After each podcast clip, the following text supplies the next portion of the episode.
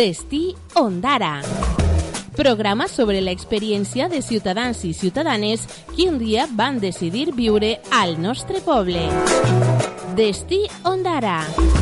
Amb Toni Marí.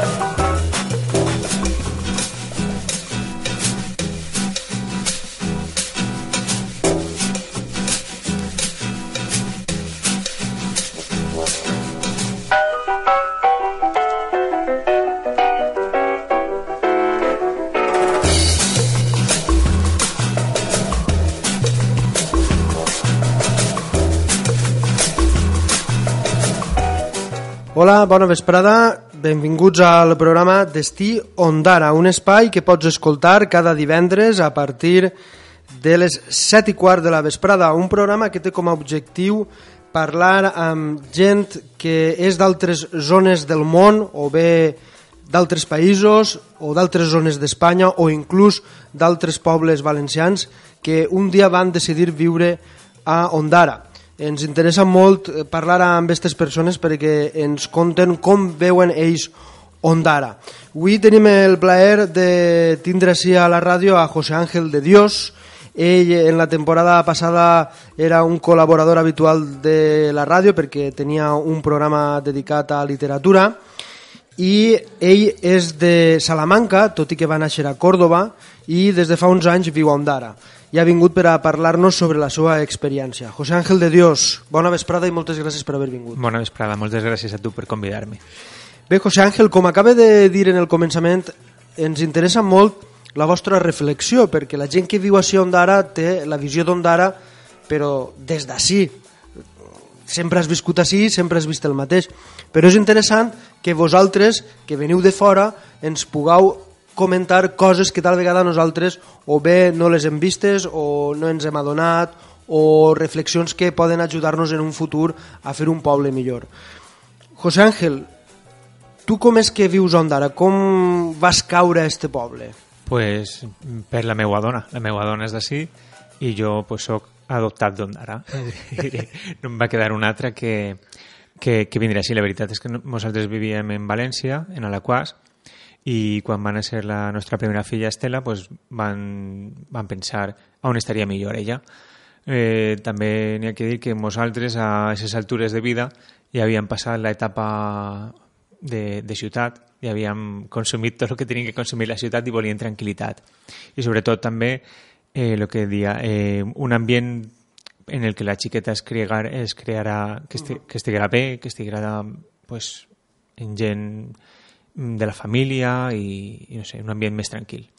Per tant, quants anys fa que vius a Ondara? Eh, Vuit. Vuit anys, perfecte. I en estos vuit anys, José Ángel, has vist un canvi en Ondara? Has vist una evolució del poble? Sí, la veritat és que pareix que no, però poquet a poquet sí que va, va millorant tot. És a dir, jo quan vas vindre així la primera volta, quan encara no vivia així, me'n recorde que els diumenges no n'hi havia centre comercial, no n'hi havia, no havia res, és dir, eh, la veritat és que escoltant la meva dona i amics i gent que, que han passat així la seva infància, sí que és veritat que, que per un costat hem guanyat el poder anar al cine, poder anar al centre comercial, però per l'altre costat s'ha perdut lo de jugar en el carrer, que, que això hem fet tots nosaltres de menuts, i jo crec que la generació d'ara ho trobarà a faltar. Has comentat que fa 8 anys que vius a Ondara. Imagina que abans de vindre a viure així venies de tant en tant a visitar a la família de la teva dona, però no és el mateix vindre de visita que viure així a Ondara. Quina opinió tens d'este poble? Pues jo estic encantat. És dir, jo... Mm, bueno, l'única pega que pondria a és que encara per a mi n'hi ha massa gent. És dir, jo vull tranquil·litat. No, però eh, parlant en sèrio, la veritat és que és un poble molt tranquil. Tens la sort de que eh, pots anar caminant a tots els puestos, és dir, que acostumbrat a estar en la ciutat, anar d'una punta a l'altra del poble no suposa res anar caminant. De fet, pots anar caminant tranquil·lament per dins del poble, pels carrers, i va super tranquil.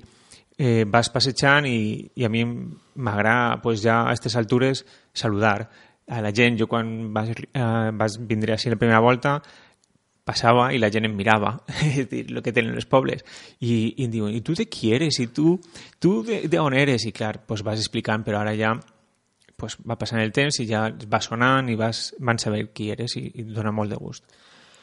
José Ángel, tu has viscut en diferents ciutats per la feina de ton pare. Habitualment eren ciutats més grans. Què és el que més el va cridar l'atenció d'Ondara quan vas vindre per primera vegada? Et va cridar alguna cosa l'atenció o alguna curiositat, algun costum que tenim així que és diferent als llocs on tu has viscut? Pues, eh, sobretot la tranquil·litat, és dir, és el que te deia antes, la tranquil·litat de, de que no s'escolta res a voltes, l'anar caminant pel carrer i l'olor a, a fum de les ximenees, la veritat és que m'encanta aquest olor, eh, no sé, és, és que és un món totalment diferent a les grans ciutats perquè, pues eso, tranquil·litat, seguretat d'estar rodejat i que tens a qualsevol veí per a lo que necessites, però la veritat és que no trobé a faltar res de la gran ciutat, perquè, clar, quan jo vaig vindre pensava, bueno, jo me feia escapades a FNAC, a veure llibreries, però, clar, aquí en 5 minuts estic en Dènia en Publis, veient llibres, per exemple, que és el que més m'agrada. I, no sé, la veritat és que està tot propet, i, i és això, és, estic, estic superbé. I pel que fa a costums d'Ondara, com puguen ser les festes, tradicions, com per exemple l'altre dia va vindre un xic així i diu que li va cridar molt l'atenció que les persones, per exemple, quan una xica es casa o quan un xiquet o xiqueta pren la comunió, ha d'exposar el vestit. Jo no sé si no, no. en els llocs on tu has viscut aquestes coses es feien, o per exemple les festes de Sant Jaume, que són pròpies, peculiars, diferents, no sé, tot això també et va cridar l'atenció? També, també, és dir, lo de, sobretot quan em van, vaig casar, lo de n'hi ha que posar el traje i dic, com que és això? És dir, és algo que no ens sonava de res perquè jo, jo he viscut, això no és fea, és dir, i, i no sé, és, és un costum que al principi em va xocar, ara en la comunió de la meva Estela, pues també hem posat el traje, ha vingut la gent, l'ha vist, i la veritat és que és una tradició que, que no coneguia però, però que està molt bé. I les festes igual, les festes de Sant Jaume, la veritat és que he de dir que jo no sóc molt de festa, jo sóc més d'estar en casa, però a mi m'encanten, m'encanten perquè vas pel carrer, ves ambient festivo per tots els costats, i les xiquetes lo passen pipa i la meva dona que és d'ací lo viu, pues, pues això és transmitís i jo també, la veritat és que molt bé. I José Ángel, pel que veig, t'has volgut diguem-ne, implicar, involucrar en la societat valenciana fins al punt d'aprendre el valencià, no? Perquè hem de dir que tu has viscut molts anys a Salamanca, vas néixer a Còrdoba, també has viscut en, en Mallorca, en Mallorca Canàries, sí. Canàries, o sigui que sí que has volgut aprendre la llengua, que no és un obstacle la llengua, veritat? Ah, no, no, jo vaig arribar a, a València en el 97 i clar, jo... A estudiar? No, no, a viure. A viure? Sí, ah, sí, vas decidir pues, emprendre el meu camí uh -huh. i tenia dues opcions, a triar Barcelona o, o València. Vaig tirar-lo a cara o creu, assassina. Sí? Sí, i vaig ir a València i la veritat és que és el millor que he fet en la meva vida. I vaig arribar i, clar, jo per a mi lo de l'idioma i parlar una altra llengua per a mi no ha sigut mai un inconvenient, és dir, mm, no entenc, no arribé a comprendre ese radicalisme de jo estic en Espanya, parlo espanyol Bé, jo parlo espanyol perquè m'he criat en puestos que no es parla una altra llengua, però he estudiat anglès, és dir, no es queixem a lo millor de parlar valencià, però no es queixem d'estudiar anglès, francès o el que s'estudia en els instituts. Uh -huh. I com no sabia valencià, i la veritat és que ningú m'ensenyava, perquè jo vivia en València i quasi ningú parla valencià, el que feia era, per aquell entonces, escuchar eh, Canal 9 i Radio 9, i així anaven sonant-me les paraules i intentaba, pues eso, aprendre. Y luego ya, pues, quan vas vindre així, pues, de visita, els meus sogres parlaven valencià i a mi no em quedava una altra. Jo la veritat és que parla el meu estil. Dic una darrere de l'altra i, i, i clave la pata on siga, però em dona igual. És dir, vaig dient i si m'enganye, pues, rectifique i ja està. No passa res, al contrari. Clar. Jo crec que per aprendre una llengua és molt important practicar-la, perquè mm. si no la practiques se t'oblida.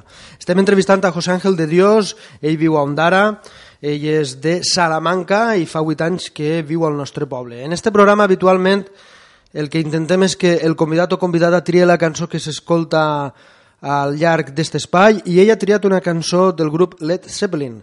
El tema es diu Stairway to Heaven i després ella ens contarà per què ha triat esta cançó. Escoltem, per tant, Stairway to Heaven de Led Zeppelin.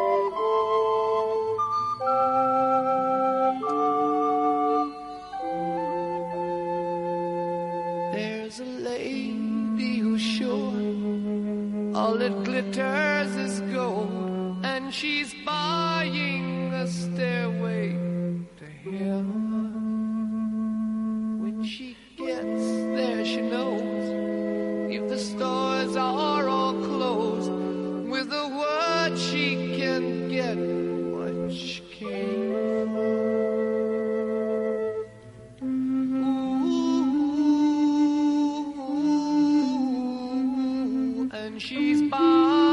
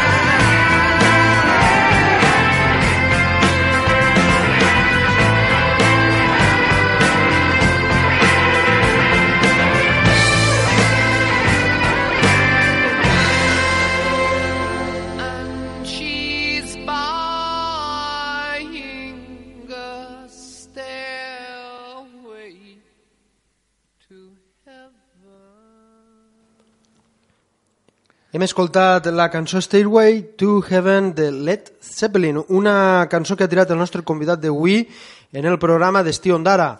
El nostre convidat és José Ángel de Dios. Ell és de Salamanca i fa 8 anys que viu a Ondara. Recorde que este programa està dedicat a tota la gent que viu en el nostre poble, però que és d'altres parts del món. En la primera part del programa, José Ángel de Dios ens ha contat com és que va arribar a, a Ondara i José Ángel també hem parlat un poc sobre alguns costums d'Ondara i tal, però abans conta'ns, per què has tirat aquesta cançó? Pues a veure, eh, podria pensar-se la gent que en conec que quizá siga per, per el, supos, el supuesto mensaje ocultista que té per, per Jimmy Page, i, però no, la veritat és que va ser el primer CD que em vaig comprar i vaig gastar-lo, vaig fundir-lo. I, I la cançó de Stairway to Heaven sempre m'ha paregut una cançó que, que parla molt de l'esperança, d'un camí a seguir i trobar al final el teu destí. La veritat és que una cançó, una cançó que sempre sempre m'ha agradat.